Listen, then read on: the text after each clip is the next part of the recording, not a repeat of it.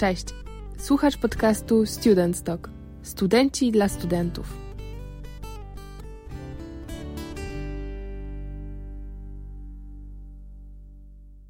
Dzisiaj ze mną e, Karolina Barylska, e, wolontariuszka ISEC, e, która realizowała wiele bardzo ciekawych projektów, też projektów międzynarodowych, a wszystko zaczęło się od ISEC właśnie, tak? Cześć, tak, dokładnie. E, najpierw chciałabym bardzo, bardzo serdecznie podziękować za zaproszenie. Jest mi niezwykle miło, że mogę tutaj dzisiaj być i podzielić się trochę moim doświadczeniem i opowiedzieć, e, jak ta moja droga wyglądała i nadal wygląda. E, I tak, dokładnie. Ja tak naprawdę zaczęłam wolontariat już gdzieś w gimnazjum, po raz pierwszy, gdzie wzięłam udział w Wielkiej Orkiestrze Świątecznej Pomocy ze swoimi przyjaciółmi. No i potem stwierdziłam, że dobrze, idę na studia, fajnie byłoby poznać nowych ludzi, doświadczyć czegoś nowego. E, I tak naprawdę usłyszałam dziś o ISEC e, i stwierdziłam, że to brzmi tak bardzo pode mnie. To znaczy, to jest organizacja, która bardzo mi pasuje i jej wartości, e, jej misja, też szerzenie takich umiejętności liderskich wśród młodych osób. Stwierdziłam, że to może być bardzo fajne doświadczenie dla mnie. Poza tym chciałam poznać nowe osoby. Po prostu bardzo mi na tym zależało, żeby poznać nowe środowisko, żeby wykorzystać ten czas na studiach ciekawie Mm, I, I tak też zrobiłam. Dołączyłam, przeszłam rekrutację. Udało mi się, e, z czego do tej pory się cieszę, bo to była wielka przygoda i wielka okazja dla mnie, żeby dużo się nauczyć. Bo e, tutaj też warto wspomnieć, że od razu na pierwszym roku e, jakby chciałaś, chciałaś włączyć się w, w właśnie ten wolontariat w ISEC i, i ci się udało na, na pierwszym roku od razu. Więc myślę, że bardzo fajny e, start i tak jak mówisz, żeby poznać osoby, które mają podobne spojrzenie na świat, podobne zainteresowania i podobne wartości, więc, więc myślę, że takie organizacje jak najbardziej zbliżają do siebie ludzi. Szczególnie tych, którzy chcą zrobić coś właśnie więcej dla świata. Tak, dokładnie. Ja szczerze mówiąc bardzo sobie cenię to doświadczenie i mm, do tej pory pamiętam, jak bardzo stresowałam się tą rekrutacją, bo to była dla mnie pierwsza taka rozmowa rekrutacyjna, taka poważniejsza, no bo um, nigdzie wcześniej nie pracowałam, nie byłam w liceum a nigdzie rzeczywiście, no nie pracowałam stricte, udzielałam się gdzieś tam, ale to nie, nie była praca, więc nie przechodziłam takich rozmów kwalifikacyjnych i pamiętam, jak bardzo się stresowałam tutaj. Jak patrząc z perspektywy czasu na to, to troszkę się tak uśmiecham, bo to byli też studenci, którzy po prostu z nami rozmawiali i e, myślę, że nie powinnam się tak tym stresować, ale mm, wtedy to była dla mnie wielka rzecz, to było coś nowego. Nie wiedziałam do końca, jak to będzie wyglądać, nie wiedziałam, czego się spodziewać. Um, I do tej pory wspominamy z koleżanką e, właśnie jak wyszłyśmy po takim grupowym zadaniu na korytarz i ja zaczęłam bardzo panikować, że słuchaj, ja się nie dostanę, ja za mało mówiłam, no w ogóle nie wezmą mnie. Ona powiedziała, no co ty, przestań, na pewno cię wezmą i mówiłaś więcej ode mnie, nie stresuj się. No i obie się dostałyśmy tak naprawdę, także mm, ona też bardzo długo się temu udzielała też na wysokich pozycjach, więc y, bardzo serdecznie też ją pozdrawiam przy okazji. I myślę, że to też była dla mnie taka fajna okazja do zobaczenia z jednej i z drugiej strony, jak ten proces wygląda.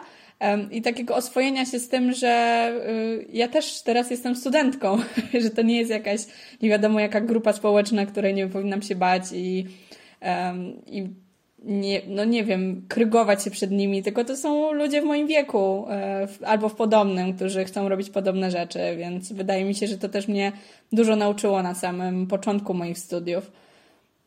Super. A słuchaj, y, powiedz mi jeszcze, bo dzięki temu właśnie, że y, ISEC też tak promuje, jak już powiedziałaś, y, bycie liderem i, i działalność wśród młodych ludzi, to dzięki temu e, też e, ty byłaś w stanie zrealizować swój e, własny autorski projekt, czyli Understand, tak? Tak, dokładnie. On tak naprawdę był projektem, który się odbywa dość cyklicznie, także to nie, ja byłam po prostu team liderką jednego z jego edycji. Zaczęłam od tego, od, może zacznijmy od początku, żeby, Najlepiej żeby było zawsze. jasne, jak ta moja droga, tak, dokładnie, jak ta moja droga wyglądała. Zaczęłam od bycia team memberem, czyli po prostu członkiem zespołu i przyglądałam się i uczyłam, jak ta organizacja wygląda. Trochę mnie onieśmielała, to znaczy te wszystkie szczeble, lokalne gdzieś tam te komitety, e, potem na poziomie narodowym, zarząd, tak, i tak dalej. I no szczerze mówiąc, na początku byłam tym mocno nieśmielona.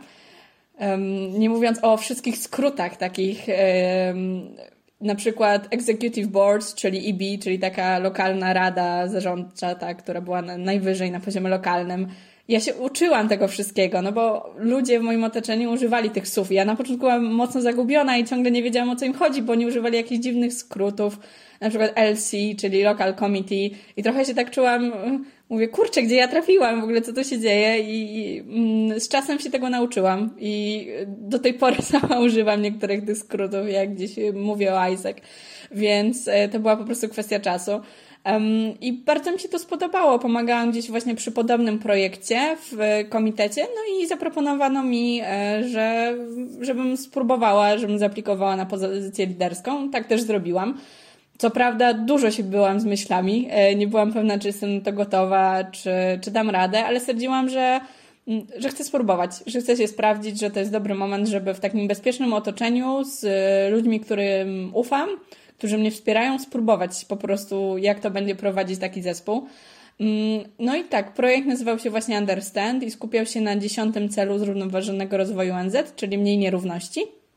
Chodziło w nim o tym, że wolontariusze z całego świata prowadzili zajęcia z języka angielskiego w szkołach podstawowych w województwie łódzkim. Także szukaliśmy szkół podstawowych, które byłyby zainteresowane przyjęciem takiego wolontariusza do siebie co więcej, ci wolontariusze spali urodzin e, ze szkół, także musieliśmy jeszcze znaleźć rodziny, które chciałyby przyjąć takiego wolontariusza do siebie na nocleg przez te dwa tygodnie. Cały projekt trwał ogólnie sześć tygodni. E, wolontariusze byli mniej więcej po dwa tygodnie w jednej szkole, chociaż były szkoły, które na przykład zadeklarowały się na tydzień, więc logistycznie to też czasami bywało trudne, żeby to wszystko zaplanować. Mm, ale z tego co wiem, bardzo się udał ten projekt. Ja bardzo, bardzo go też dobrze wspominam pod tym względem e, takiego wpływu na środowisko lokalne. Mnie też zależało, żeby te szkoły, w których byli wolontariusze, to były takie mniejsze szkoły z mniejszych miejscowości, żeby dzieci, które czasami nie wyjeżdżają nigdzie za granicę, mogły poznać kogoś z zagranicy, porozmawiać. Bo to nie była stricte nauka tylko języka angielskiego. To była też nauka o kulturze innego kraju, o zwyczajach. Mm, I do tej pory pamiętam, jak byłam na festynie, zostałam zaproszona na taki festyn, który był zrobiony w ogóle specjalnie pod, pod naszych wolontariuszy i właśnie nazywał się jakoś tam równość, czy jakoś, nie, nie pamiętam już dokładnie, ale właśnie e, cała szkoła zaangażowała się pod to, żeby zrobić też takie wydarzenie dla wolontariuszy i to była taka mała lokalna szkoła gdzieś, e, no raczej taka wiejska. E, I do tej pory pamiętam, jak rozmawiałam z nauczycielką, e, która opowiadała, że dzieci pytają wolontariuszy, czy u nich w kraju trawa też jest zielona, albo czy biegają tam dinozaury. O kurczę. I to było dla mnie, tak, to było dla mnie tak rozczulające. To znaczy, na początku się zaśmiałam, a potem sobie pomyślałam, kurczę, fajnie, że ja byłam częścią tego, że te dzieci mogły zadać takie pytania i poszerzać swoje horyzonty już od takich e, młodych lat, tak? I budować te tolerancje też, które myślę, że jest dla mnie bardzo ważną wartością w życiu. Więc cieszę się, że mogłam wpłynąć na to, że ktoś tam e, gdzieś poczuł, że ta tolerancja jest też dla niego ważna. I mm, pamiętam też zdanie, które powiedziałam przy moim absolutorium, bo w momencie, kiedy projekt się już zakończył, mieliśmy takie walne zebranie i wszyscy z nas, którzy prowadzili swoje projekty, musieli przedstawić wyniki, jakie były założenia, jak, jak to wyszło w rzeczywistości. Dzieliliśmy się takimi good case practice, bad case practice, żeby też wyciągnąć jakieś wnioski na przyszłość. I ja pamiętam, e, że przyszło mi takie zdanie do głowy na koniec, że może nie zmieniłam całego świata tym projektem, ale zmieniłam czyjś cały świat i dla mnie to już jest bardzo dużo. O, jak pięknie. Um, Dziękuję. do tej pory e, trochę się kieruję takim, e, takim powiedzeniem, że mm, mam też wrażenie, że ludzie często tak myślą. E, chyba jesteśmy też zachęcani, żeby tak myśleć globalnie, żeby, żeby zrobić od razu nie wiadomo co, a wydaje mi się, że właśnie nawet taka mała rzecz, taki mały projekt już coś zmienia. Więc trzeba się tylko odważyć. Dokładnie, bo słuchaj, wiele małych rzeczy tak naprawdę staje się dużą rzeczą, która na globalny jakiś tutaj czynnik oddziaływuje, także jak to było w, w pięknej polskiej piosence, cieszmy się z małych rzeczy, po prostu. E, a słuchaj, jeszcze mam takie pytanie, bo na pewno też e, dużo cię nauczył ten projekt, tak? Tak osobiście po prostu. E, I chciałabym się zapytać, co ty z tego wyciągnęłaś? Jakie lekcje, czy w ogóle cokolwiek to zmieniło w twoim życiu? Myślę, że zmieniło dość dużo. Myślę, że to był taki pierwszy, poważniejszy projekt w moim życiu, gdzie też mogłam zobaczyć namacalnie jego wyniki. I, i to było coś, co bardzo mi się podobało. E, więc e, co to zmieniło? No to, to myślę, że zaczęłabym od takich najmniejszych rzeczy, typu nie boję się już wziąć telefonu do ręki i zadzwonić gdzieś, bo rozmawiałam tyle z gdzieś, nie wiem, z dyrektorami szkół, z nauczycielami, z rodzicami, którzy przyjmowali tych wolontariuszy u siebie, że w tym momencie załatwianie jakiejkolwiek sprawy przez telefon nie jest już dla mnie problemem. Pamiętam też, że dla mnie to był w ogóle duży problem na początku rozmawiać z tymi dyrektorami, no bo ja dopiero skończyłam liceum, więc ja wtedy czułam e, jeszcze taki, nie wiem, taką Respekt. siłę władzy, takiego, tak, dokładnie, tak trochę się jeszcze krępowałam, że no jak to, no, ja dopiero tutaj skończyłam szkołę i tutaj mam rozmawiać. Um, więc y, chyba też mnie to tak nauczyło trochę, że mm, wszędzie są ludzie po drugiej stronie i że nie, nie trzeba się bać. E, myślę, że taka praca pod presją, e, tak, to, to było też duże dla mnie wyzwanie, bo często się coś nagle wydarzało i ja musiałam już teraz podejmować decyzję. Mm, ale hmm, myślę, że y, całe to doświadczenie nauczyło mnie tego, że warto próbować po prostu i nawet jak coś nam jedno nie poszło, to drugie poszło lepiej i trzeba wyciągać wnioski na przyszłość po prostu i próbować, bo jak się nie próbuje, no to nigdy się nie zacznie i e, tak jak mówiłam, tej rekrutacji też z perspektywy czasu, e, myślę, że zrobiłam parę rzeczy inaczej w tym projekcie, w tym momencie, w którym jestem teraz, ale próbuję sobie tego nie wyrzucać, bo twierdzę, że wtedy byłam inną osobą, wtedy dopiero zaczynałam, teraz jestem po paru innych projektach, po innych doświadczeniach e, i myślę, że teraz niektóre rzeczy poprowadziłabym inaczej. Myślę, że bym się tak mocno, tak emocjonalnie to nie wchodziła. Tak myślę, bo dla mnie po prostu to był taki mój projekt, moje dziecko i czasami zbyt emocjonalnie do niektórych rzeczy podchodziłam.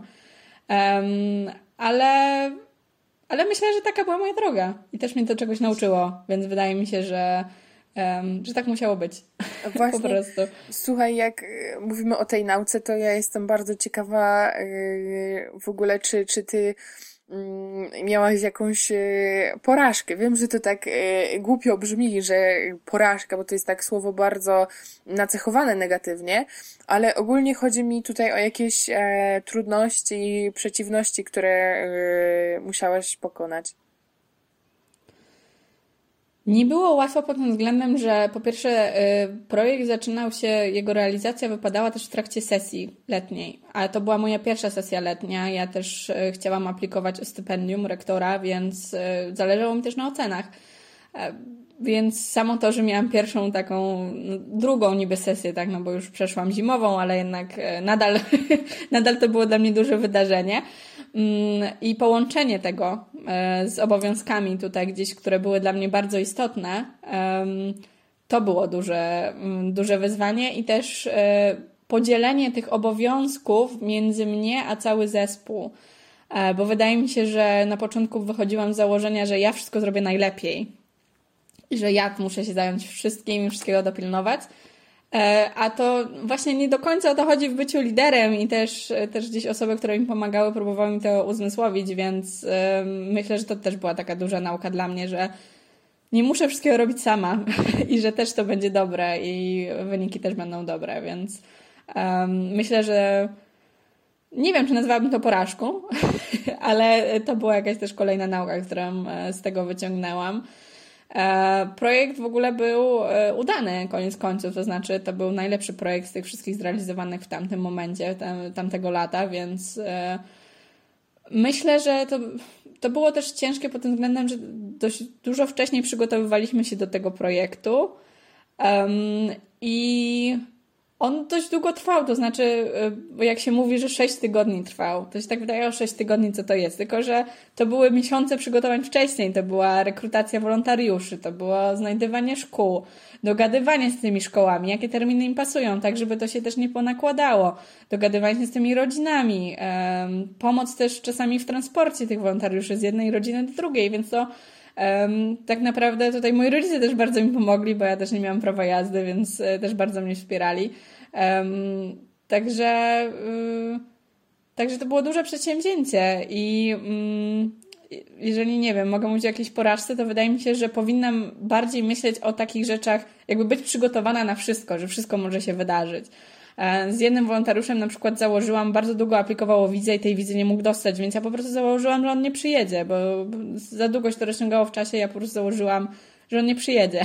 Tylko dostał tę wizę na ostatnią chwilę i przyjechał, więc musiałam... dokładnie, dokładnie. Bardzo mnie to stresowało, no bo nagle mam dodatkową osobę, którą gdzieś muszę położyć spać, bo to to też było takie dla mnie dość obciążające psychicznie, że to byli no żywi ludzie, tak? No ludzie po prostu, którzy przyjechali z drugiego końca świata, też gdzieś się obawiali czegoś, e, mieli jakieś swoje uprzedzenia i tak dalej, mogli e, nie wiedzieć, jak to wszystko wygląda w Polsce. Więc bardzo chciałam, żeby to też dla nich był taki wartościowy i fajny czas, bo chciałam, starałam się pamiętać, że po prostu są dwie strony w tym całym projekcie. Są i wolontariusze, i te szkoły, i te dzieci. E, więc wydaje mi się, że to było coś, co mogłam przewidzieć. To znaczy, e, mogłam się bardziej przygotować na to, co, e, co jest takie no, nieprzewidywalne. To znaczy, zawsze mieć po prostu plan B. Wyjście awaryjne jakiejś sytuacji, tak, dokładnie. dokładnie. Słuchaj, w ogóle poleciłabyś wolontariat i, i uczestnictwo w, w różnych projektach właśnie w ISEC? Zdecydowanie. Ja w ISEC byłam dwa lata. Także zostałam dość długo, odeszłam dlatego, że jechałam na Erasmusa, więc to była taka decyzja, że e, to jest chyba już mój moment, żeby odejść z organizacji. Um, pełniłam też różne funkcje. Byłam na poziomie narodowym fotografem w showcasing team, więc miałam możliwość robienia zdjęć, też rozwijania tej pasji. Potem, jak już e, w tym ostatnim semestrze bycia w byłam też koordynatorem do spraw relacji z Uniwersytetem Łódzkim, więc e, prowadziłam różne rozmowy, co też mnie dużo nauczyło. Miałam e, możliwość, przeszłam od tych dyrektorów szkół na poziom rektora i, i dziekanów, więc też dużo mnie to nauczyło też dało mi różne takie znajomości w, na uczelni. Po prostu wykładowcy albo inni e, studenci zaczęli mnie kojarzyć z tego, że gdzieś się udzielam. E, co też mi pomagało, nie, jakby nie ukrywając, e, po prostu um, jak wiedzieli, że coś się dzieje i mogłabym być zainteresowana udziałem w tym, to myśleli o mnie, prawda? Więc um, myślę, że ten e, sławetny networking, o którym wszyscy tak mówią, e, właśnie tak wygląda. Mm, poza tym wydaje mi się, że to jest taka też bezpieczna przestrzeń do e, próbowania różnych rzeczy, do poznawania siebie, poznawania innych ludzi, bo ja poznałam bardzo dużo fajnych ludzi. E, z niektórymi nadal mam kontakt. E, w te wakacje byłam u mojej przyjaciółki, która właśnie brała ślub z chłopakiem, którego poznała Wajsek, także nigdy nie wiadomo wszystko. Co się staje? Wow. Wszystko, tak, dokładnie, wszystko może się wydarzyć. Słuchaj, y, to ja po prostu teraz będę czekała i, i może sama się gdzieś zapiszę do tego ISEC, jak mówisz, że aż takie y, fajne rzeczy się tak tam dzieją, bo myślę, że super kwestią jest to, że dzięki temu możemy sobie też po, po, popodróżować trochę po świecie, bo to też daje nam możliwość e, robienia super rzeczy w różnych e, miejscach. Tak samo jak ty mówisz, że wolontariusze z różnych krajów przyjechali do Polski i tu mogli e, trochę zobaczyć, jak wygląda nasza kultura, e, jak my tutaj w ogóle sobie żyjemy w tej Polsce naszej, więc e, myślę, że to jest naprawdę e, super sprawa i chociaż dla takich właśnie podróży warto jest się zapisać do ISEC. Tak, dokładnie i wydaje mi się, że to też fajnie wspomnieć o tym, że to jest międzynarodowa organizacja studencka. Więc ja na przykład, może podzielę się szybko jeszcze taką historią, E, leciałam na Sri Lankę i wiedziałam, że lecę na tę Sri Lankę. I w momencie, kiedy ja rekrutowałam swoich wolontariuszy, to też zgłosił mi się wolontariusz ze Sri Lanki. I tam przeprowadziłam tę całą rekrutację. On e, koniec końców nie przyleciał do nas, do Polski, do Łodzi, e, znaczy do województwa łódzkiego, tak, na nasz projekt, bo coś tam mu się pozmieniało ze studiami ale ja byłam z nim cały czas w kontakcie i on sam był Isaacierem, sam był Wajsek. Więc jak wiedziałam, że jadę na tę Sri Lankę, y, to napisałam do niego i powiedziałam, że słuchaj, bo jadę i wiem, że macie tam taki projekt, macie jakieś komitety lokalne, no to może mogłabym tam się spotkać z kimś bardzo, bardzo chętnie. I skończyło się na tym, że tak naprawdę wzięłam udział, w cudzysłowie, w takim małym projekcie. E, projekt polegał na tym, że wolontariusze jeździli po Sri Lance i robili zdjęcia i filmy e, promujące potem Sri Lankę, turystykę na Sri Lance. E, I ja pojechałam z nimi na taką jedną wycieczkę. Właśnie zaczęłam rozmawiać z takim innym tym liderem, czyli tak, taka sama pozycja jak moja w tamtym momencie. I on mi zaproponował, żebym po prostu z nimi pojechała. Ja w ogóle nic nie zapłaciłam za tą wycieczkę. Ja oczywiście powiedziałam, że zapłacę i tak dalej za nocleg. On powiedział, że nie, że on się nie zgadza na to. E, I pojechałam z nimi na wycieczkę. Także i poznałam znowu kolejnych ludzi. E, poznałam też, był Polak tam e, jeden, także też też się zobaczyliśmy. On chyba też się cieszył, że w końcu zobaczył jakiegoś Polaka, bo po tylu tygodniach. Więc poznałam też kolejnych wolontariuszy. Miałam e, przyjemność wzięcia udziału w e, tak zwanym Global Village, czyli takim wydarzeniu, na którym każda kultura ma swoje stanowisko i prezentuje swoje jedzenie, swoje zwyczaje. E, więc my z Polski też byliśmy z kabanosami e, i z krówkami i rozdawaliśmy innym i opowiadaliśmy trochę o Polsce, gdzie ona jest. To było w ogóle dla mnie surrealistyczne, że ja stoję gdzieś na jakimś takim ala stadionie na Sri Lance i rozdaję ludziom krówki i opowiadam o Polsce. Więc e, Myślę, że to jest kolejny powód takiego poczucia wspólnoty y, na poziomie też międzynarodowym i jak się chce, to można te przyjaźnie nawiązywać y, właśnie y, na Sri Lance również, więc bardzo serdecznie polecam i wydaje mi się, że no teraz zaczyna się nowy rok akademicki, więc wydaje mi się, że teraz powinna gdzieś odbywać rekrutacja, także serdecznie zachęcam do sprawdzenia tego. Super to ja słuchaj, już sobie zapiszę w kalendarzu, żeby y, gdzieś mieć to na uwadze, że będzie rekrutacja do ISEC.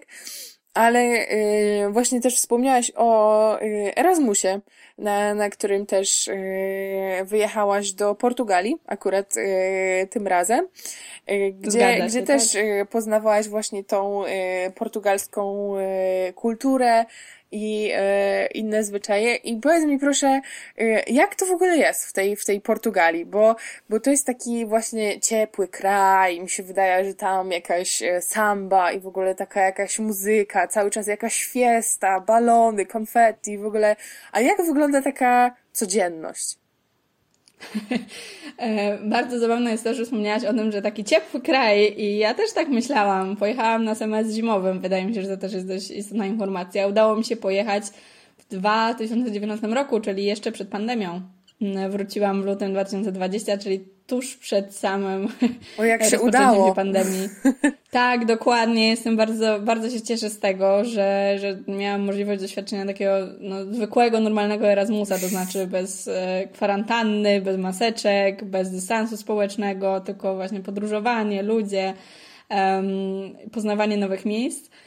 Um, I ja też tam leciałam z takim przeświadczeniem, że będzie ciepło. I było, tylko było ciepło na zewnątrz. I e, ja nie pomyślałam o tym, że w większości miejsc w Portugalii, w tych e, starych budynkach, nie ma ogrzewania.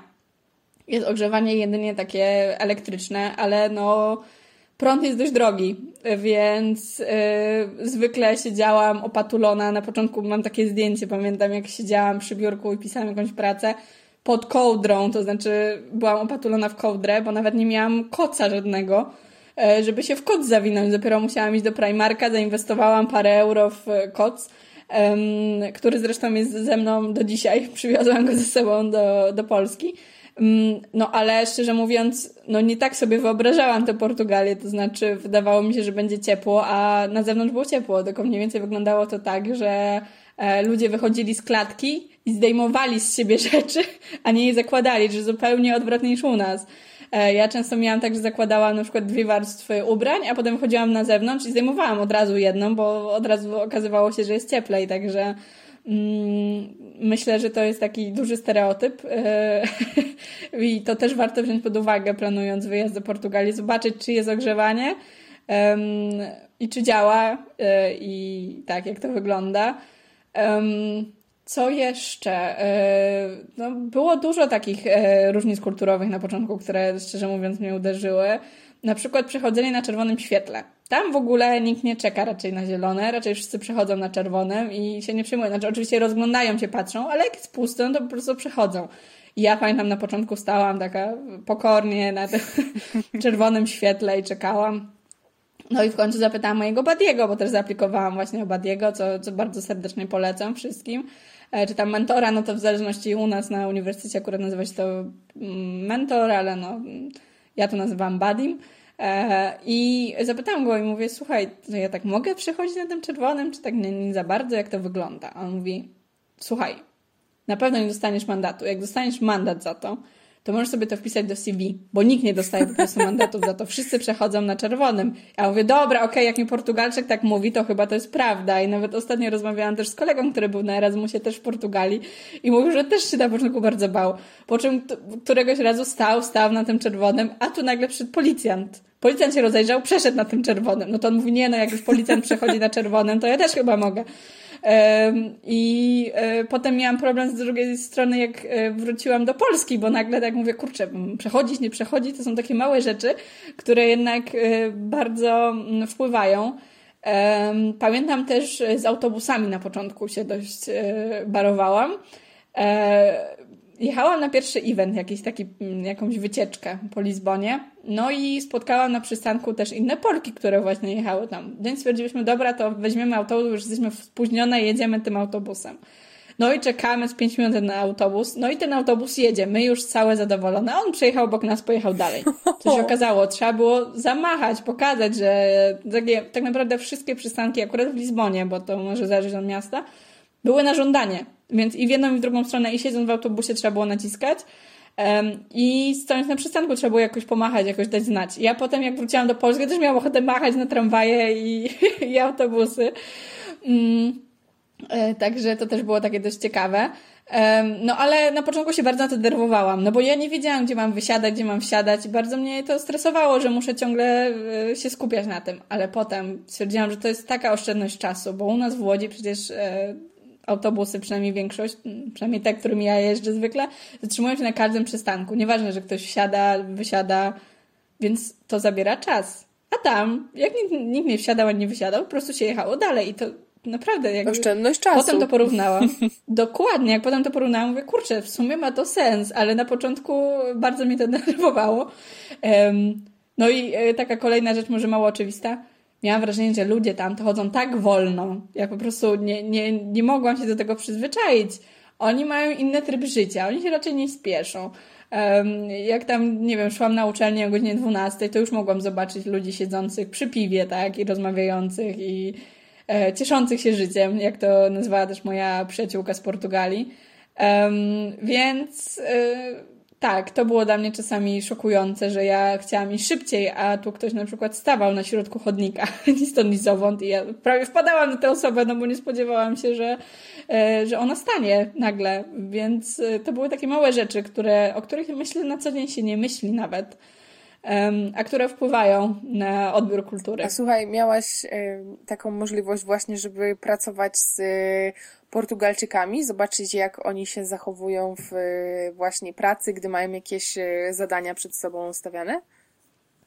E, w pracy jako takiej to nie, nie pracowałam na Erasmusie. Miałam e, akurat, byłam, nie wiem, na tyle... E, teraz mi brakuje słowa, chciałam coś po angielsku powiedzieć, ale... e, E, no nie wiem, no miałam na tyle szczęścia, o może tak nazwijmy, że, że na szczęście nie musiałam e, pracować, e, ale jak tak ich obserwowałam, to oni po prostu są o wiele bardziej uśmiechnięci, kontaktowi.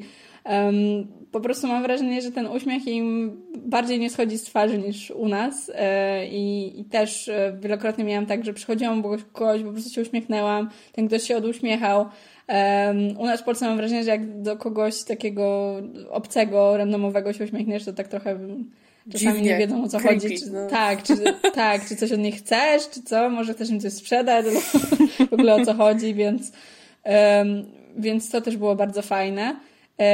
No ale ogólnie tam się nikt z niczym nie spieszył. Ja na przykład do tej pory nie mam mojej legitymacji studenckiej, którą powinna mieć wyrobioną tam, e, bo aplikowałam w ogóle na kampusie. Oni zgubili te aplikacje, jak się okazało. Potem, potem parę razy przychodziłam do tego biura, oni mi mówili, że no nie, nie, trzeba czekać. I w końcu któraś pani się zlitowała i mnie zapytała o imię i nazwisko i sprawdziła to i powiedziała, że ona w ogóle nie ma tego wniosku, a to już było Myślę, że to już był jakiś grudzień, więc już niedługo miałam wracać, więc już nawet tego nie składałam ponownie. Więc no były takie ciężkie momenty, były, y, albo jak musiałam iść do koordynatora mm, i były jakieś e, godziny dyżuru w internecie. Poszłam. Kartka na drzwiach mówi o zupełnie innych godzinach dyżurów. I nie wiadomo, która kartka, jakby która informacja jest odpowiednia, więc okazało się, że ta w internecie była zła. I musiałam przyjść jeszcze raz. Także mm, no są też takie cienie tego, są blaski i cienie, tak? Więc wydaje mi się, że e, były też takie gorsze, trudniejsze momenty. E, także oni nie są tacy idealni, bo nie chciałabym, żeby to tak wybrzmiało. Nie, nie, nie, zupełnie nie. Nikt nie jest idealny. Więc e, oni też mają swoje za uszami. Wszystko trwa właśnie wolniej powoli, po co się spieszyć. No tylko, że jak jest się studentem na Erasmusie i trzeba jakieś formalności załatwić, to potrafi być e, nieprzyjemne trochę. A powiedz mi jeszcze, jak wyglądają u nich e, imprezy, bo co mówiłaś, że też jest e, zupełnie inaczej wygląda ta sprawa niż e, u nas w Polsce. Tak, dokładnie. E, te imprezy zaczynają się później w ogóle. Wydaje mi się, że to jest e, pierwsza taka różnica. One się tak zaczynają koło pierwszej. Dopiero, mm. gdzie u nas to już jest tak. szczyt y, imprezowy. Tak, dokładnie, dokładnie. E, ludzie się spotykają, no, w zależności od tego, jaka grupa. Może być tak, że ludzie spotkają się najpierw na kolację, koło 20, 21, pójdą zjeść wspólnie jakiś posiłek, już napiją się, nie wiem, wina, sangrii, piwa. No i potem idą e, na imprezę ale no zwykle zaczyna się to o wiele, o wiele później niż u nas e, i ja potem też miałam duży problem z imprezami w Polsce, bo mi się wydawało, że co tak wcześnie, jakby dlaczego spotykamy się tak wcześnie, a tam na początku za to nie mogłam się przyzwyczaić, że tak późno, e, więc to była taka duża różnica. Więcej różnic nie wiem. A, może kogoś to też zainteresuje. Tam nie ma tak jak u nas zakazu picia alkoholu w miejscach publicznych więc e, można było sobie iść z piwkiem do parku albo z winem, albo posiedzieć przy rzece, popatrzeć na rzekę, po prostu kupić jakieś e, piwo i sobie posiedzieć. Um, więc e, tam często też jakieś takie bifory organizowane przez ISN były w centrum miasta. I piliśmy sobie sangry, którą przyniósł ISN, e, a potem jechaliśmy do klubu, także takie sytuacje też się zdarzały. Um, i w sumie też dobrze to wspominam, e, bo wino bardzo tanie w Portugalii, jeżeli ktoś też nie wie, to tak 3 euro to już takie dobre wino może o, być, także... No to rzeczywiście. Tak. A słuchaj, e, tańsze wino od wody, czy y, jeszcze nie aż na takim etapie są? Jeszcze nie aż tak, ale prawie, że myślę, że dla Erasmusów to wiesz, można zrezygnować z wody, a napić się wina. No, oczywiście nie chcę tak generalizować, bo były różne aktywności. No, było trochę imprez e, i to nie ukrywam, że na jakieś imprezy chodziłam, ale były też podróże, i, i z których też bardzo dużo wyniosłam, dużo się nauczyłam. E, były też różne aktywności organizowane przez ISN. Jakieś wycieczki. Można było iść do mm, schroniska, zająć się sami na przykład, wyprowadzić je. Można było uczyć się surfingu. Mój kolega na przykład uczył się surfować. Ja akurat nie czuję się w tym za dobrze, jakoś tak nie lubię znajdować się pod wodą, więc e, stwierdziłam, że chyba sobie to odpuszczę. Ale no było bardzo dużo różnych aktywności, więc każdy mógł znaleźć coś dla siebie. Poza tym potem jak się poznawało ludzi, to też e, każdy miał tam, chciał coś zobaczyć, gdzieś pojechać, e, czegoś spróbować, więc e, potem też po prostu powstawały wspólne jakieś grupy, które gdzieś wyjeżdżały i wynajmowało się samochód, po prostu się jechało, więc no to nie są tylko imprezy. Wbrew ale pozorom. jak ktoś jedzie imprezować, tak. Jak ktoś jedzie imprezować, to też można. Także każdy znajdzie coś dla siebie. Dokładnie. Dla każdego coś dobrego. jak to się tak. mówi. Ale fajną sprawą jest też to, słuchaj, że Erasmus y, to nie tylko wyjazdy, to nie tylko y, wymiany, bo istnieje też y, dużo różnych akcji organizowanych właśnie przez Erasmusa i to też pozwoliło ci na różne wyjazdy za granicę, na przykład do Francji, Włoch czy Estonii. Tak, dokładnie, dokładnie. Y, mam wrażenie, że dużo osób, jak myśli o Erasmusie, to myśli o takim długim Erasmusie, właśnie wyjeździe na semestr lub cały rok akademicki, a są też takie krótsze projekty i ja byłam właśnie na takich mniej więcej tygodniowych wyjazdach. E, ten pierwszy mój wyjazd do Francji to właśnie on tak naprawdę pozwolił mi poznać Portugalczyków, z którymi potem też utrzymywałam kontakt, będąc już w Portugalii na Erasmusie. To znaczy, ja już w tamtym momencie wiedziałam, że jadę do Portugalii, więc to nie wpłynęło znacząco na mój wybór destynacji. Ale y, spotkałam się z nimi na miejscu, bardzo mi pomogli też, jak miałem jakieś problemy, pytania, to zawsze byli mm, do dyspozycji. Także y, tak samo Estonia na przykład. Ja nigdy nie myślałam, że pojadę do Estonii, to znaczy mm, Wydawało mi się, że to jakiś taki odległy kraj, w ogóle Estonia, no, ale stwierdziłam właśnie, że dlatego chcę pojechać, że sama z siebie chyba nigdy nie pojechałabym do Estonii, więc fajnie byłoby pojechać. I bardzo mi się podobało, przepiękny kraj, naprawdę zachęcam do odwiedzin w Estonii, bo było przepięknie. E, wszystko świetnie zorganizowane, także naprawdę byłam w szoku. A na czym, słuchaj, polegają takie właśnie krótsze wyjazdy? Co, co tam się robi? To są jakieś projekty, E, że tak jak na przykład w, w ISEC e, jakieś e, wolontariaty się wykonuje, na czym to w ogóle, z czym to się je? Są różne projekty, więc to zależy od samego projektu, bo są też to European Solidarity Corps, w którym ja też biorę udział aktualnie i to trwa trochę dłużej. Ja akurat biorę w takim lokalnym projekcie w tym momencie udział w Łodzi, ale y, są też takie dłuższe i można wyjechać na chwilę dłużej. Y, I wtedy to już jest takie bardziej pomaganie gdzieś na przykład przy jakiejś organizacji i uczenie się czegoś przy nich, tak? Czyli trochę taki wolontariat tak naprawdę. Ale są też takie krótsze projekty, w których też brałam udział i one są bardzo się różnią tak naprawdę, ale każdy może znaleźć coś dla siebie. Może być coś o ekologii, może być coś o polityce. Ja na przykład e, ten projekt we Włoszech, w którym byłam, to za to był, pojechałam w ogóle w grudniu, więc bardzo się cieszyłam, bo u nas w Polsce było zimno, a tam było cieplutko, tylko to też, to był w sumie mój pierwszy taki projekt e, i ja myślałam, że to będzie tak trochę luźniej, ale nie, tam tak naprawdę od rana do wieczora coś robiliśmy. Mieliśmy bardzo dużo zajęć, ale bardzo dużo też się nauczyłam na tym wyjeździe, bo e, tak naprawdę naszym zadaniem, może opowiem o tamtym projekcie, żeby tak trochę nakreślić, jak to w ogóle wygląda i o co w tym chodzi.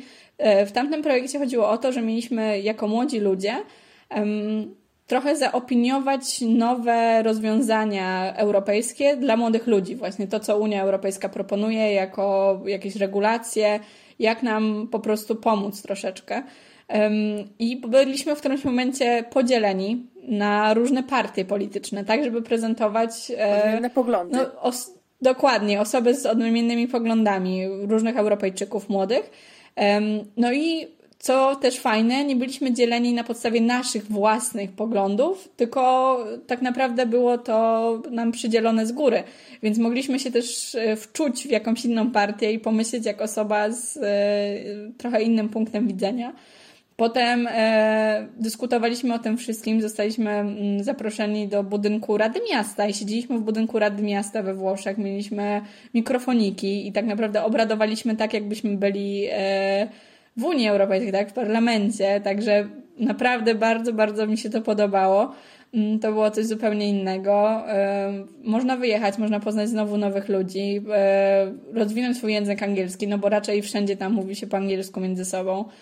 Mm, więc y, no i właśnie tak doświadczyć trochę nowych rzeczy, bo ja szczerze mówiąc wtedy też mi to mocno otworzyło oczy na takie e, ja już nie pamiętam, w której partii ja byłam, ale wydaje mi się, że jakoś tak y, prawicowa bardziej, a ja no rzeczywiście było to dla mnie nowością, może tak to ujmę. Więc e, tak, to było bardzo, bardzo ciekawe i e, te zadania mogą się bardzo różnić i mogą zależeć od projektu.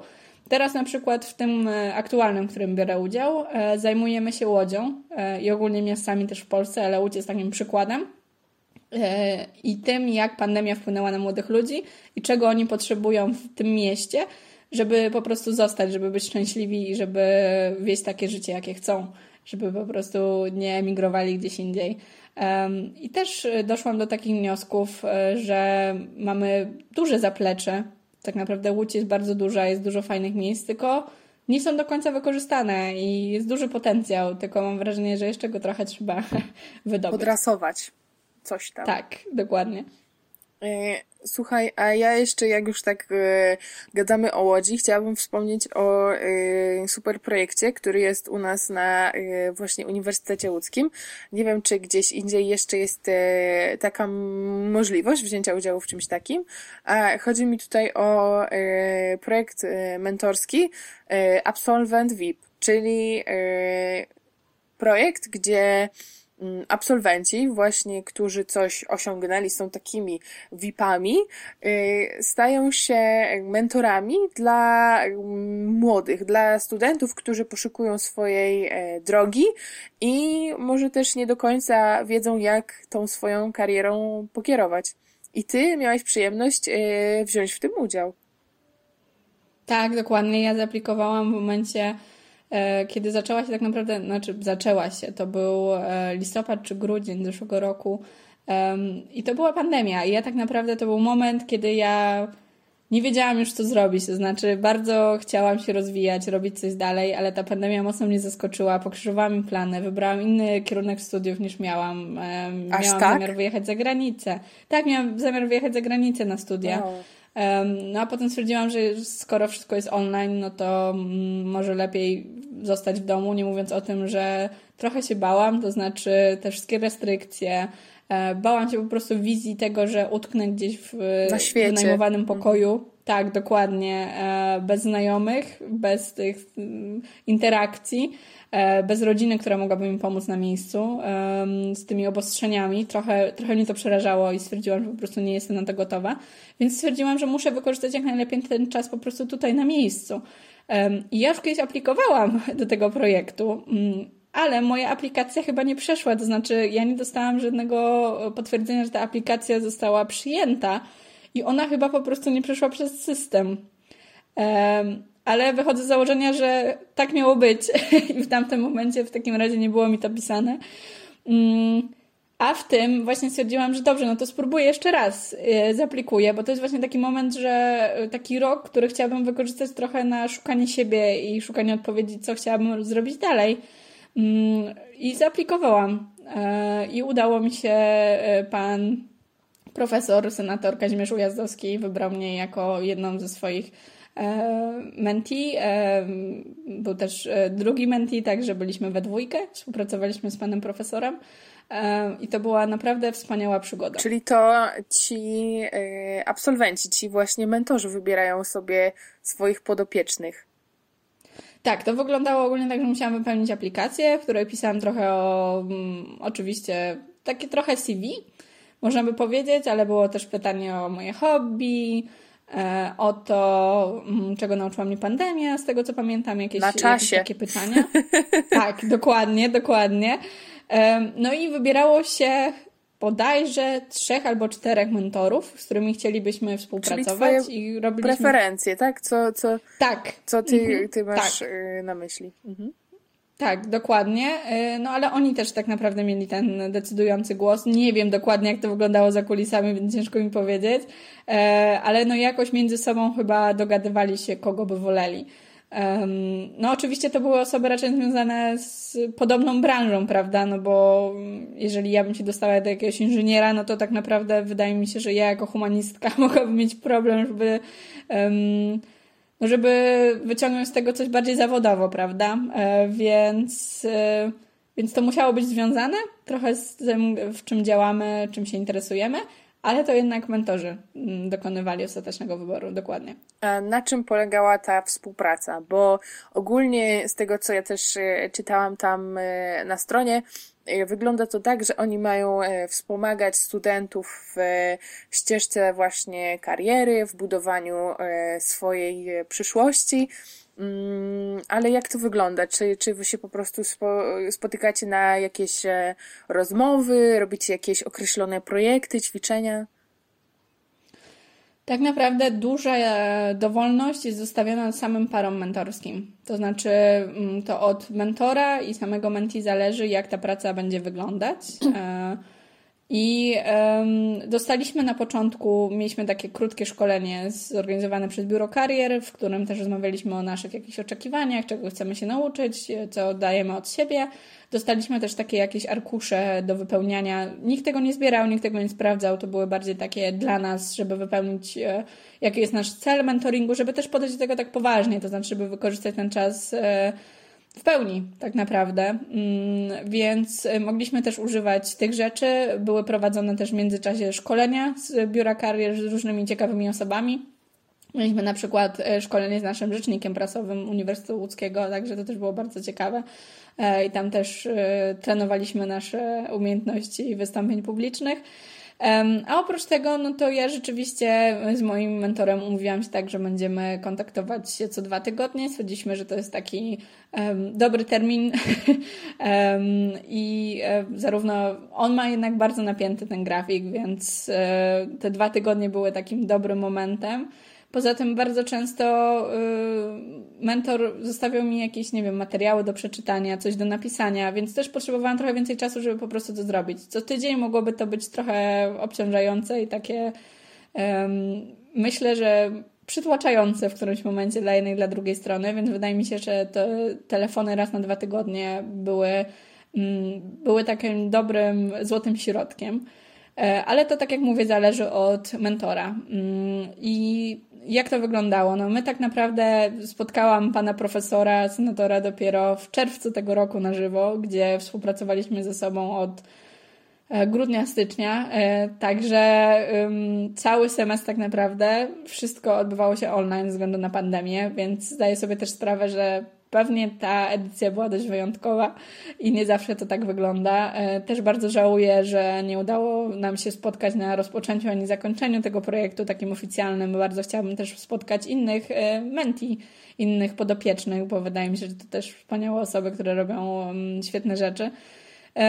I e, tak naprawdę pan profesor na początku zapytał mnie, gdzie ja siebie widzę w przyszłości i jak to wygląda.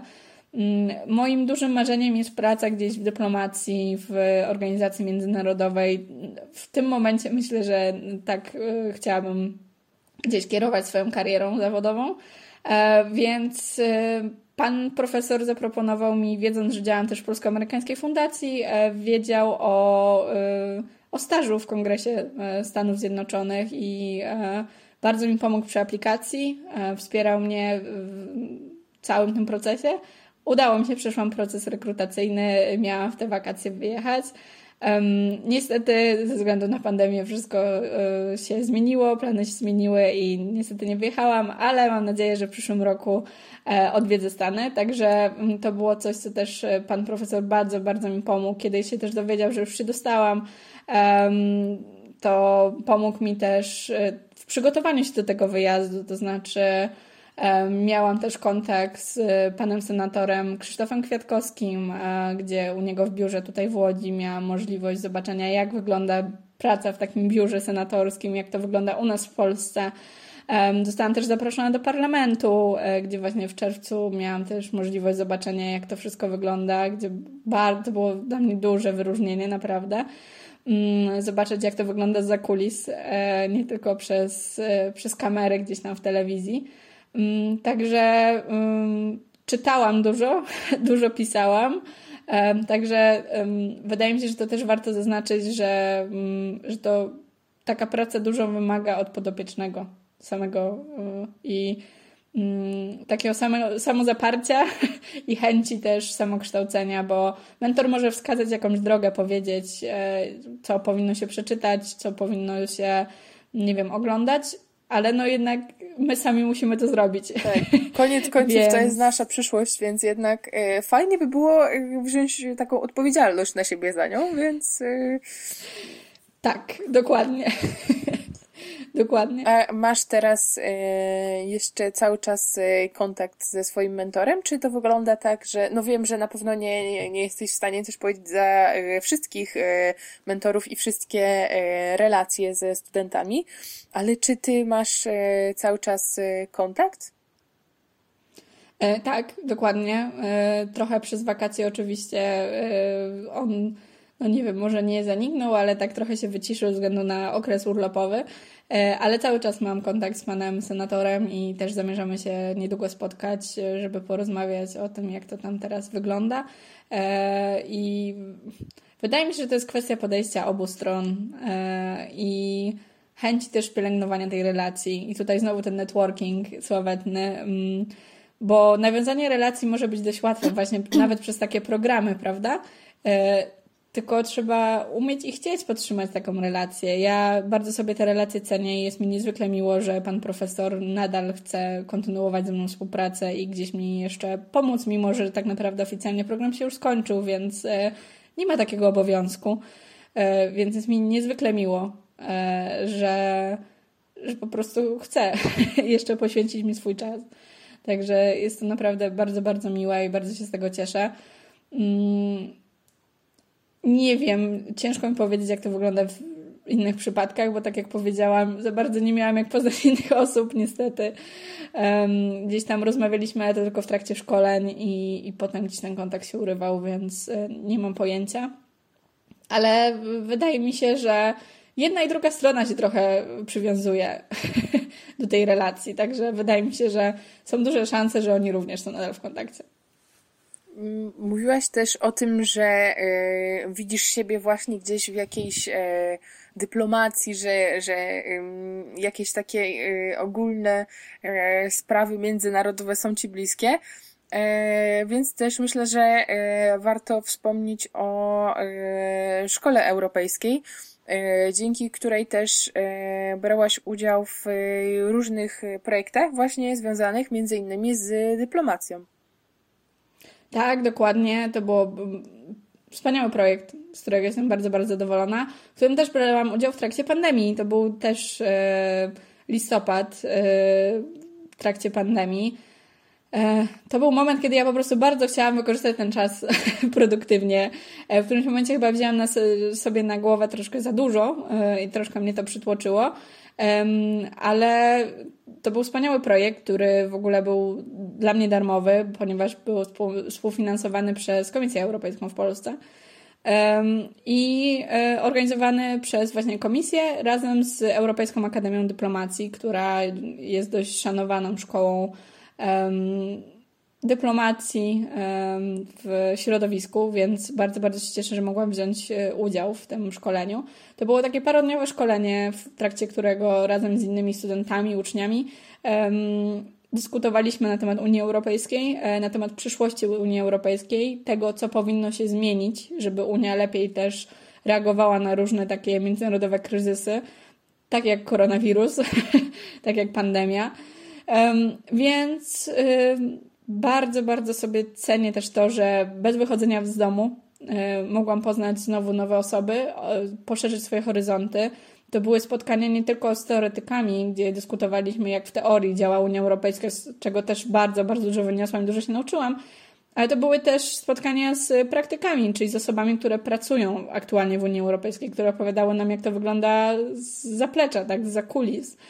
Mm, co też e, pozwoliło mi trochę określić, czy rzeczywiście chciałabym tam pracować, czy też nie.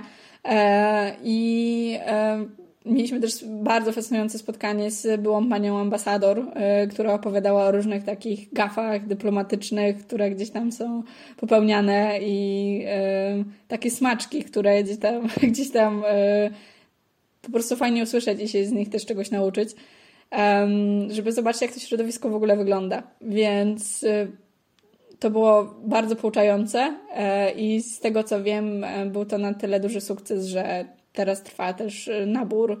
Chyba już się powoli kończy, jeżeli już się nie skończył, nie, niestety nie pamiętam dokładnie dat, na kolejną edycję i wydaje mi się, że będą też kolejne, także bardzo serdecznie za, zachęcam do śledzenia tego, bo można zupełnie za darmo wziąć udział w bardzo ciekawym szkoleniu i rozwinąć się. Wydaje mi się, że to też było dość mocnym punktem moim CV, który sprawił, że pan profesor też e, był zainteresowany współpracą ze mną. To jest właśnie też fajne, żeby te studia tak wykorzystywać pod to, co e, dla nas jest bliskie, naszemu sercu, to co chcemy e, teraz realizować. Już to myślę, że na przestrzeni podcastu wielokrotnie było powtarzane, że teraz, no, niestety mamy czasy, jakie mamy, pandemię, ale wielkim plusem jest to, że wszystkie szkolenia i różne akcje organizowane są online, czyli możemy sobie z każdego dowolnego miejsca e, na świecie, czy, czy po prostu w Polsce wziąć udział w takim szkoleniu i nie musimy nigdzie dojeżdżać, nie musimy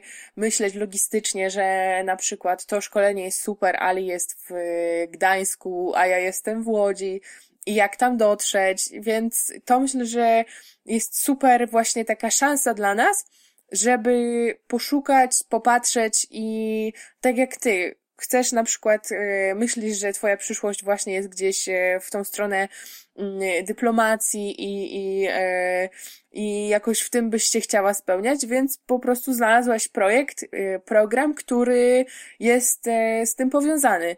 I myślę, że też wielu studentów jest w stanie znaleźć rzeczy, które są im bliskie i po prostu sprawdzić się i zobaczyć, tak jak ty mówiłaś, czy, czy to jest ich droga, czy jednak y, zmieniamy ten kierunek i, i idziemy w innym, w innym kierunku y, zupełnie. Bo y, no myślę, że to też fajną sprawą jest to, żeby się po prostu sprawdzić żeby nie, nie obudzić się nagle i kurczę, przecież to jednak nie jest to, co ja bym chciała robić i jednak, no, coś fajnie by było zmienić. A już później może to nie być takie łatwe, jeżeli na przykład dostaniemy gdzieś pracę i będziemy już od tego w jakiś sposób e, uzależnieni chociażby finansowo, że musimy chodzić do tej pracy, bo po prostu nie mamy pieniędzy. Więc myślę, że to jest super sprawa, żeby tak szukać właśnie tych swoich jakichś e, bliskich rzeczy. Tak, i z moich doświadczeń też wynika, że wykładowcy bardzo są e, wspierający w tym procesie. To znaczy, niejednokrotnie musiałam właśnie wyjść wcześniej albo nie przyjść na zajęcia. E, też przy okazji szkoły, e, szkoły europejskiej, ja w tym momencie w ogóle studiowałam na dwóch kierunkach. Aktualnie już jestem na jednym, ale studiowałam na dwóch kierunkach i, i też byłam w fundacji. No i zaczęłam też w Jesenie. No i właśnie jeszcze ta szkoła europejska. I napisałam po prostu wprost, że dostałam się, że tutaj jest takie dość elitarne, elitarne grono z całej Polski tak naprawdę studentów, którzy się dostali i bardzo przepraszam, ale po prostu nie będę mogła być tego dnia na zajęciach. I tak naprawdę wszyscy e, byli raczej zadowoleni, cieszyli się wspólnie ze mną tym sukcesem i chcieli usłyszeć, jak było potem i e, czego się nauczyłam, jak to wyglądało. Byli bardziej zainteresowani, wspierający niż właśnie robiący problemy. Więc wydaje mi się, że to też bardzo trzeba podkreślić, że, um, że wykładowcom też zależy na naszym rozwoju i to też są ludzie, którzy są mili raczej. Z reguły. tak, z reguły. Um, więc y, trzeba próbować po prostu. Chociaż y, bo może to tak fajnie też brzmi, że ja tutaj o to i tamto, ale wydaje mi się, że mm, warto też podkreślić to, że to nie zawsze jest łatwe. To znaczy, y, Czasami jest łatwiej tylko studiować. Z pewnością. Albo łączyć. Tak, dokładnie. Więc nie zawsze było łatwo. E, ja niejednokrotnie, jak byłam w ISEC i prowadziłam projekt swój, to moi znajomi zapraszali mnie na imprezy, ja po prostu nie miałam siły, bo byłam przepracowana, byłam przemęczona moim projektem. Nie miałam czasami ochoty, bo jakieś miałam problemy na głowie z tym związane. E, więc nie byłam po prostu w nastroju do imprezowania. E, oni za to potem, jak ja już skończyłam projekt, to poszli do pracy, więc oni już nie, nie mieli jak, e, jak imprezować, więc no to są takie rzeczy, które gdzieś, no, każdy wybór ma swoje konsekwencje. Więc wydaje mi się, że też warto podkreślić, że są też takie no cienie tego i nie zawsze jest łatwo, ale myślę, że mm, tak ogólnie pod koniec to się bardzo opłaca, bo możemy się nauczyć o sobie, o świecie, e, otworzyć trochę oczy.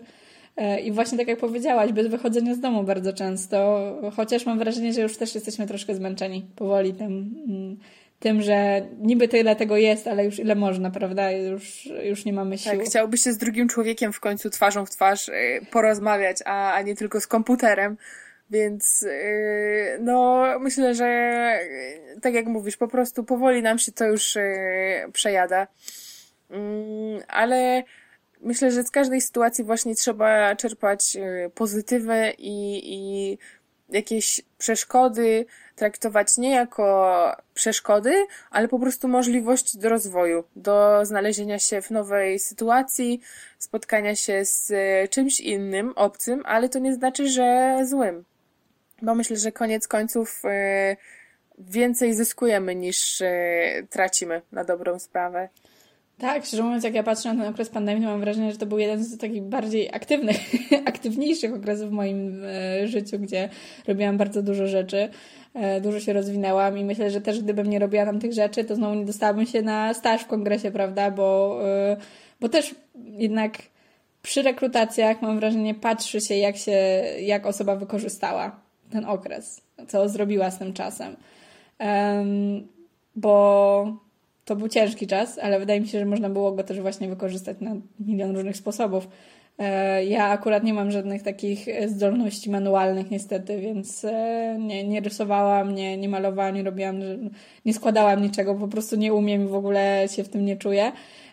Więc poszłam w tą stronę. Poszłam w takie w takie szukanie siebie i patrzenie, co mogło co mogłabym zrobić po pandemii w takim razie? Skoro ten rok wygląda zupełnie inaczej niż sobie zaplanowałam, to stwierdziłam, że zobaczę, co w takim razie mogę zrobić z kolejnym rokiem, e, żeby wykorzystać ten rok do zaplanowania przyszłego. Żeby nie był po prostu stracony, przesiedza, przesiedziany w domu i, i, i tyle.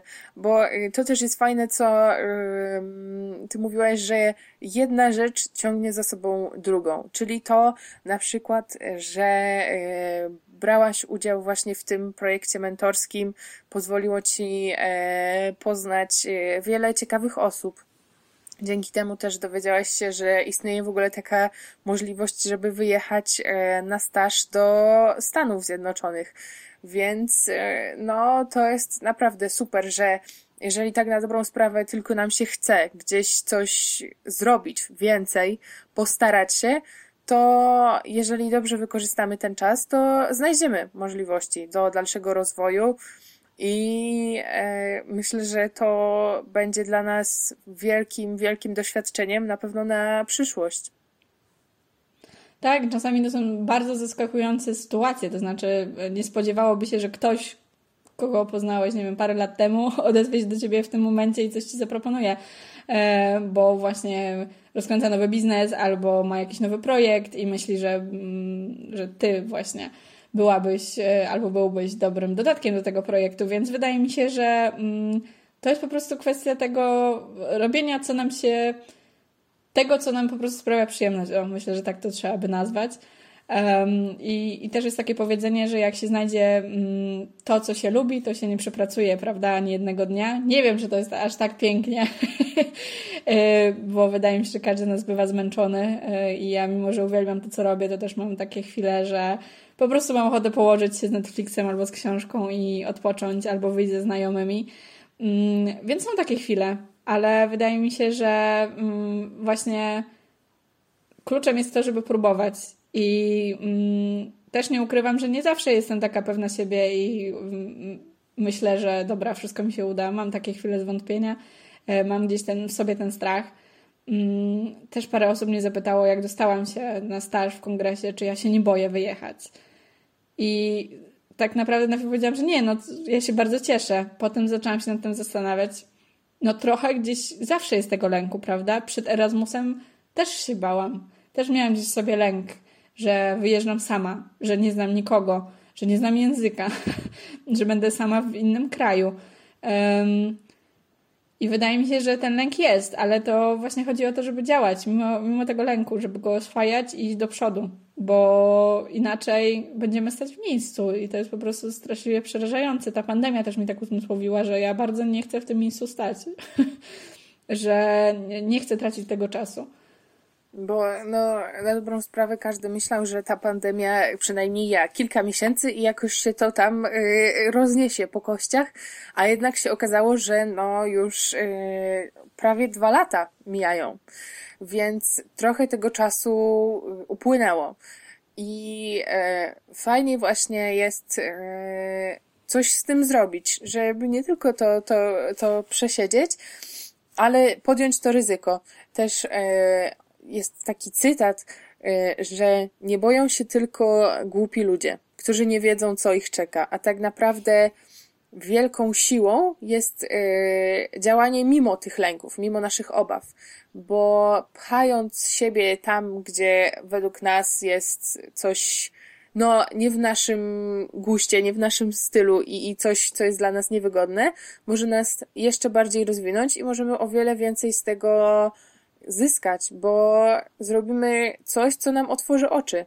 I może się okazać, że coś nam się nie podoba, że jednak to nie jest nasza droga, ale może się okazać, że to właśnie jest nasza droga i że tak powinniśmy postępować i że to jest dobry kierunek. Więc myślę, że fajnie właśnie wykorzystywać ten czas studiów na takie sprawdzanie. Ja też yy, nie wiem, czy ty tak miałaś, ale na przykład w liceum moim bardzo się zastanawiałam i do końca nie wiedziałam, gdzie ja mam iść, co mam robić. I po prostu sobie sprawdzałam, czy taka na przykład droga mm, jest dla mnie ok, tu się zapisałam na przykład do jakiegoś yy, kółka, tu y, do czegoś innego, no takie po prostu y, pierdoły, za przeproszeniem, ale myślę, że to dużo daje, żeby właśnie w praktyce zobaczyć, jak to wygląda. I też wracając trochę do y, tych Twoich akcji, które, w których Ty brałaś udział, to fajną sprawą jest też właśnie projekt, w fundacji Girls Future Ready. Mam nadzieję, że nic nie poprzekręcałam. Wszystko się A program nazywa się, nazywa się Girls Global Ready. Tak? Tak, tak, dokładnie. Wiem, że to może być trochę mylące. Future Global, tak, ale to jest wszystko ze sobą powiązane. Tak, ogólnie Fundacja Girls Future Ready to jest fundacja, która wspiera młode kobiety z Europy Środkowo-Wschodniej w zdobywaniu takich umiejętności istotnych na międzynarodowym rynku pracy. Zależy nam właśnie na języku angielskim, na umiejętności wystąpień publicznych. E, fundacja została założona przez 18-letnią Zofię Kierner, która miała e, to szczęście, że na początku mieszkała w Finlandii, tam też się uczyła ze swoimi rodzicami, tak mieszkała i e, potem wyjechała do Stanów Zjednoczonych, aktualnie tam mieszka. Um, więc, więc zobaczyła, jak wygląda edukacja w różnych miejscach i zobaczyła, jak różnie dziewczyny są też uczone um, różnych umiejętności. I zauważyła, że dziewczyny w Polsce po prostu brakuje im takiej pewności siebie, takiej przybojowości, żeby próbować nowych rzeczy, żeby, mm, żeby właśnie mimo tego strachu i lęku e, iść gdzieś do przodu i stawiać się w takich sytuacjach, gdzie, są, gdzie jest też duża konkurencja, ale po prostu, żeby próbować. Mm, I stąd też e, powstał pomysł fundacji. Ja miałam okazję prowadzić e, program Girls Go Ready, który łączy w pary, e, takie językowe pary, e, native speakerów ze Stanów Zjednoczonych i Kanady z dziewczynami z Polski, e, które miały od wieku od 13 do 20 lat które miały po prostu szansę porozmawiać sobie z taką osobą, z takim native speakerem zupełnie za darmo.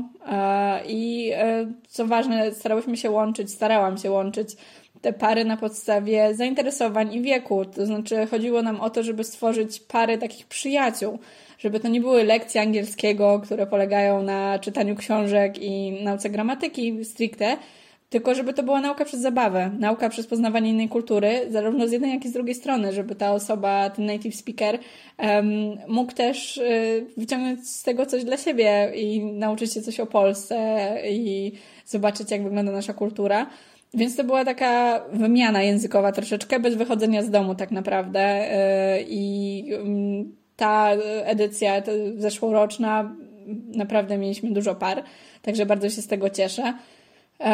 No i e, organizowaliśmy też, organizowałam różne wydarzenia przy okazji, to znaczy mm, jakieś tam spotkania online, gdzie się poznawaliśmy, rozmawialiśmy o swoich e, doświadczeniach z programem, e, gdzie też dziewczyny mogły się podzielić tym.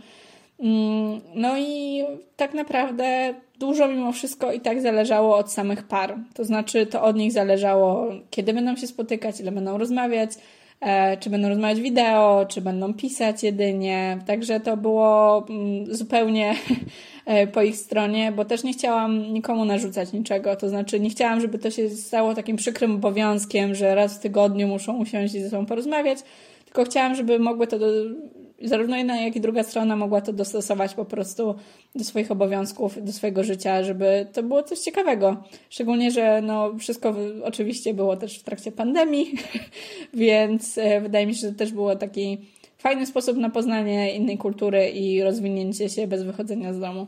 A słuchaj, to był twój projekt, który e, ty wymyśliłaś, czy po prostu ogólnie był projekt i ty e, zapisałaś się że tak, ja chcę w tym brać udział. Nie, nie, on już wcześniej istniał, bo to już e, wcześniej on gdzieś tam e, był. Była też e, inna edycja, także nie, nie będę sobie przypisywać tutaj autorstwa, no ale rzeczywiście prowadziłam tę edycję. W fundacji jestem też od początku jej istnienia, także też pomagałam ją zakładać tam w różnych momentach, pomagałam z różnymi projektami. E, tutaj akurat byłam zaangażowana w ten mocno, bo byłam jego koordynatorem, dyrektorem tego programu. A oprócz tego, mm, tak naprawdę pandemia zainspirowana do stworzenia programu, który był podobny do tego, to znaczy został stworzony program Together for Teachers, e, który polegał na tym, że native speakerzy łączyli się z, ze szkołami w trakcie lekcji języka angielskiego, lekcji online, i prowadzili te lekcje, współprowadzili z nauczycielami, opowiadali też o swojej kulturze, także w sumie troszkę podobne do ISEC, tylko bez e, wychodzenia z domu tym razem. Chodziło tutaj o odciążenie też trochę mm, nauczycieli, ale też taką, nie wiem, atrakcję dla, mm, dla dzieci, dla uczniów i też e, bardzo nam zależy na tym, żeby pokazać w Polsce, że ta nauka angielskiego jest istotna więc to też był taki nasz sposób, żeby pokazać, że słuchajcie, tam są osoby, które mówią w tym języku i możecie je poznać. Jeżeli tylko nauczycie się tego języka, będziecie w stanie się dogadać. I to tak naprawdę dogadacie się na całym świecie, nie tylko z tymi osobami z tego kraju, bo po angielsku mówi teraz pół świata, więc. Mm, więc na tym też bardzo zależy, żeby promować ten język angielski, żeby pokazywać, że ta nauka nie musi być przykrym obowiązkiem, ale że to może być po prostu ciekawe. No, ja też y, słyszałam ostatnio, y, że w ogóle język angielski już się nie liczy, w tym sensie, że po prostu to jest z góry założone, że każdy ma znać język angielski, więc na przykład my przykładowo nie piszemy w y, CV język angielski, tylko język polski i to jest na przykład nasza mocna strona, bo my umiemy język polski. Więc no tutaj y, fajnie jest kłaść y, na to nacisk, żeby ten język też u młodego pokolenia jakoś e, no, zachęcać i, i aktywizować, bo no, to jest jednak e, przyszłość. Jak kiedyś był ten język rosyjski u naszych rodziców bardzo popularny, to tak teraz angielski prawie jest naszym językiem ojczystym, bo, bo wszędzie się przewija.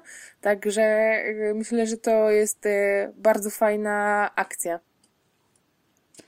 Dziękuję, bardzo się cieszę, że Ci się podoba. No ja rzeczywiście z angielskim też na początku, no nie będę ukrywać, ja jak się zaczynałam uczyć, no to tak raczej rodzice mnie zmuszali, żebym się uczyła języka angielskiego, ale bardzo, bardzo to doceniam teraz po czasie, bo mam znajomych z zagranicy, z którymi rozmawiam codziennie i bez tego, bez tego języka, no i po prostu bym nie mogła. Y, nie byłoby to możliwe, a to też dużo mnie uczy i na co dzień obcuję z różnymi różnicami kulturowymi. Um, także nie mówiąc o podróżach, gdzie ten angielski jest bardzo istotny, no bo jednak jeżeli cokolwiek się wydarzy, no to jednak lepiej znać język angielski. Um, ja na przykład pierwsze swoje doświadczenie takie bliższe z kimś mówiącym tylko w języku angielskim miałam na obozie językowym. E, moi rodzice mnie wysłali na obóz językowy właśnie z native speakerami e, Angloville. Um, to było tuż przed moją maturą z języka angielskiego. Ja tam w ogóle byłam jedną z najstarszych osób, bo tam raczej były takie mm, no dzieci nastolatkowe, tak 13-14 lat, więc ja trochę się czułam tam staro w tamtym momencie. Mm, I e, bardzo fajne było to, że ci native speakerzy byli w podobnym wieku do mnie, znaczy oni mieli po 20 parę lat, no ale bardziej się czuli związani ze mną jako 18-latką niż z tymi młodszymi osobami. Po prostu mieliśmy więcej podobnych tematów do rozmowy. I poznałam tam bardzo dużo ciekawych osób. E, z jednym e, przyjacielem mam do tej pory kontakt, także z Londynu. E, w dalszym ciągu jesteśmy w kontakcie i tam spotykamy się co jakiś czas. Także y, pamiętam, jak bardzo też było mi ciężko na początku i jak trochę się czułam zagubiona, że niby się uczyłam przecież tyle lat w szkole i dla, dlaczego ja nie mogę się tu teraz dogadać, prawda? Um, więc y, gdyby nie ta nauka angielskiego, też nie studiowałabym po angielsku y, na licencjacie, co też bardzo sobie cenię. Także myślę, że ten angielski wydaje się taki niepozorny, ale jest bardzo istotny aktualnie. A słuchaj, yy, myślisz, że E, studia po angielsku to jest e, dobry wybór w Polsce? Ja nawet ostatnio wczoraj o tym myślałam, o studiach ogólnie. To znaczy, um, zastanawiałam się, że my tak bierzemy trochę za pewnik to, że te studia są za darmo. E, I, I pomyślałam, ja tak naprawdę przez dłuższy czas też tak miałam. Dopiero chyba jak pojechałam na Erasmusa i też zaczęłam rozmawiać z różnymi ludźmi, i oni byli tacy mocno pod wrażeniem, że my nie musimy płacić za studia w Polsce, a ja zareagowałam na zasadzie, no ale przecież to jest normalne, jakby. Um, więc y, to była kolejna rzecz, która gdzieś mi tam y, otworzyła oczy, ale wydaje mi się, że my trochę czasami tego nie doceniamy. Ja ak akurat, żeby studiować po angielsku, musiałam za to płacić, więc to trochę inna sytuacja. Wiem też, że nie każdy może sobie na to pozwolić. Są różne sytuacje oczywiście, chociaż wiem, że też są różne kierunki, więc chyba da się też znaleźć kierunek, który mm, jest za darmo po angielsku. E, ja sobie to bardzo cenię, bo mm, miałam na roku bardzo dużo osób z zagranicy i e, nawiązałam dużo ciekawych kontaktów i byłam zmuszona rozmawiać po angielsku w różnych sytuacjach, to znaczy na imprezach potem, tak, e, gdzieś jak wychodziliśmy na kawę, w przerwach między zajęciami, to nie były tylko wypowiedzi takie bardzo formalne mm, w trakcie zajęć, nie tylko taki formalny język angielski, ale to był też język angielski taki codzienny, którego po prostu musiałam używać. Nie wiem, czy moja gramatyka była taka dobra, ale zdałam egzamin na poziomie C1 z Cambridge, tak? E, po, po studiach e, już e, zabrakło mi jednego punkta do poziomu C2, także także mm, to gratulacje, Jestem słuchaj. dość zadowolona. O, dziękuję. Więc wydaje mi się, że gdyby nie te studia, to też bym się tak nie rozwinęła. To znaczy poszłabym na studia po polsku, już widzę po sobie, że teraz jak studiuję po polsku, to jak pojechałam do Portugalii i musiałam rozmawiać po angielsku przez tydzień, to na początku tak e, rozgrzewałam się, rozgrzewałam, mimo że używam angielskiego, bo czytam, bo słucham, bo rozmawiam z ludźmi, to, to jednak nie jest to samo jak taki kontakt żywy przez dłuższy czas. Tak, jak obcowanie takie e, z językiem 24 na dobę jednak. Tak, dokładnie. Ale czasami to jest dość śmieszne, bo niektóre określenia, bo ja studiowałam stosunki międzynarodowe ze specjalnością z marketingu międzynarodowego i niektóre określenia, niektóre słówka znam po angielsku. I potem jak muszę je powiedzieć po polsku, to ja po prostu nie wiem. O co chodzi? Jak to powiedzieć, tak, dokładnie. E, więc potem niektórzy chyba mogą myśleć, że e, tutaj się obnoszę ze swoją znajomością języka angielskiego, bo mówię, wtrącam coś po angielsku, tylko że ja po prostu, ja po prostu nie pamiętam, jak to mówić po polsku i tak mi jest łatwiej. Y, już myślę, że powoli będziemy się zbliżały y, do końca naszej rozmowy, ale jeszcze chciałabym Cię zapytać o y, jeden projekt, też właśnie europejski, który odnosi się do ogólnie dbania o środowisko, zrównoważony rozwój i który jest dedykowany szczególnie młodym młodzianom, czyli Boost Youth for Diversity. Tak, dokładnie i myślę, wydaje mi się, że to diversity też jest tak bardzo ciekawe napisane, e, bo jest plecione słówko city, czyli miasto, tak. Um, to jest projekt, który skupia się na młodych ludziach po pandemii, na tym, jak pandemia wpłynęła na to, jak spędzamy wolny czas, e, jak się ze sobą kontaktujemy, jakie mamy problemy też z socjalizacją po tym, co się wydarzyło. E, czego nam brakuje e, w Łodzi, ale ogólnie też w większych i mniejszych miastach, akurat Łódź jest takim przykładem bardziej, takim case study powiedziałabym. E, czyli studium przypadku, może żeby nie było po angielsku. Gdzie właśnie zastanawiamy się, co można zrobić inaczej w mieście. Może wdrożyć jakieś rozwiązania, może jakieś.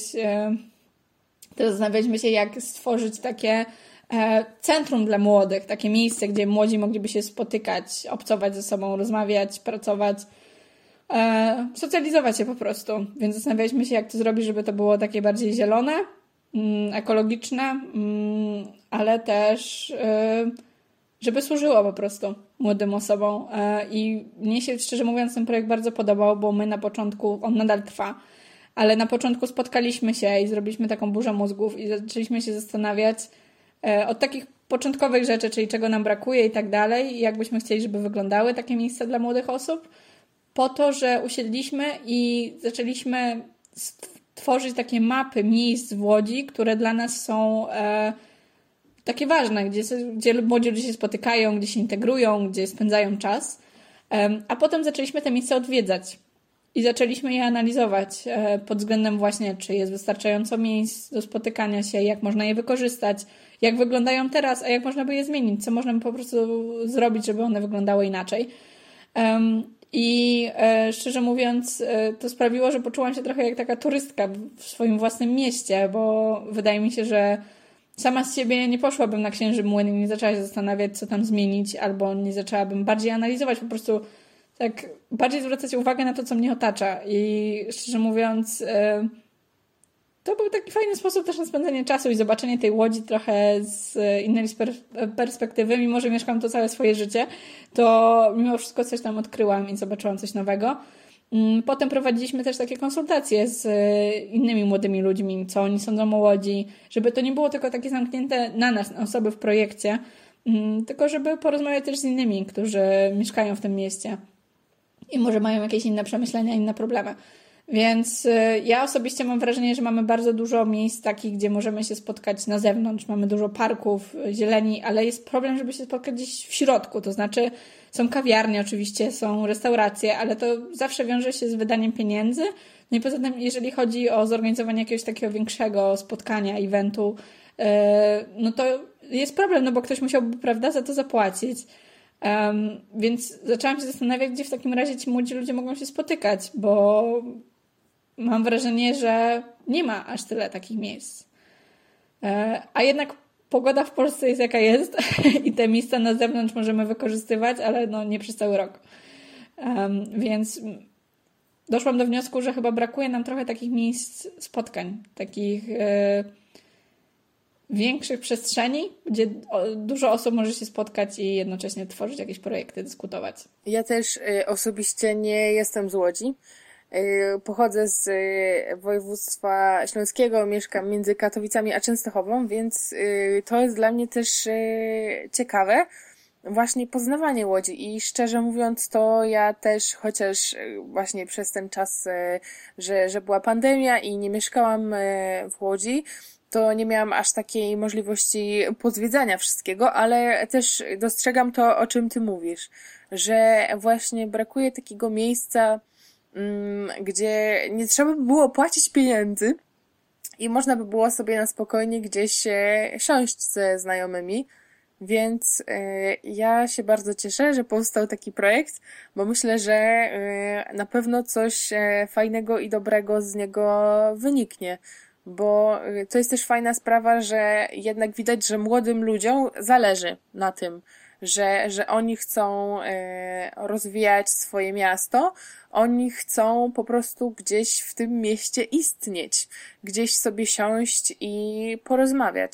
Więc to myślę, że jest bardzo fajna inicjatywa też. Bardzo się cieszę, że masz podobne e, też spostrzeżenia, bo szczerze mówiąc nie wiedziałam właśnie, czy to one są na pewno trafne, więc bardzo się cieszę. E, wiem, dowiedziałam się ostatnio, że otworzyli takie bardzo fajne miejsce też u nas w bibliotece uniwersyteckiej. E, nie wiem, czy widziałaś. E, chyba współfinansowane przez Rosmana. I to jest taka, nie wiem, przestrzeń coworkingowa powiedziałabym tak naprawdę, bo tam widziałam, że jest i rzutnik, i są jakieś mniejsze mm, stoliki, więc można sobie usiąść, też porozmawiać chyba.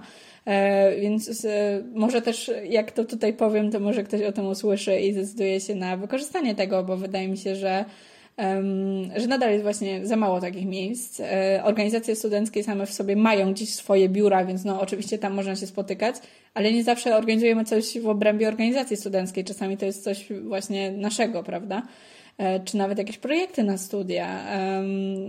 To wydaje mi się, że brakuje trochę takich miejsc, że jeszcze musimy nad tym popracować. No u nas też na przykład na e, Wydziale Zarządzania to jest takie miejsce przy szatni na dole, gdzie po prostu są e, stoliki i krzesła i tam sobie można siedzieć, ale myślę, że to nie jest do końca aż e, takie super rozwiązanie, bo każdy gdzieś przylatuje i, i nie ma się też takiego pełnego skupienia wtedy, gdzie są rozproszenia dookoła ale y, no powiem Ci, że ja mieszkając w akademiku na, na pierwszym roku i teraz też y, akurat się zdecydowałam, że y, jednak zostanę w akademiku, mm, no nie miałam takiego miejsca, gdzie mogłabym sobie siąść i na spokojnie się pouczyć. Oczywiście biblioteka, czy, czy właśnie ten nasz wydział, ale one też są zamykane i, i też nie ma takiego um, klimatu, myślę, e, więc e, no ja e, naprawdę trzymam kciuki, że coś koniec końców powstanie i, i będzie właśnie dla tych młodych. Także ja jak najbardziej kibicuję z całego serca. Dziękuję. To następnym razem, jak będziemy mieć te konsultacje, to słuchaj, już wiem, kogo zaproszę, jesteś na liście osób do zaproszenia, także... Bardzo chętnie, chociaż słuchaj, aż na Łodzi się tak dobrze myślę, że nie znam, bo, bo też nie, niestety przez pandemię nie miałam y, czasu aż tyle sobie w tym mieście pomieszkać, ale mam nadzieję, że teraz to się zmieni powoli.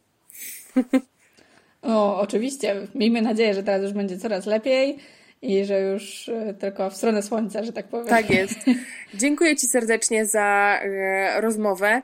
Mm, myślę, że e, na pewno doszliśmy do bardzo pouczających i, i ciekawych wniosków i dziękuję, że jeszcze raz zgodziłaś się brać e, udział i zgodziłaś się na rozmowę u nas w podcaście.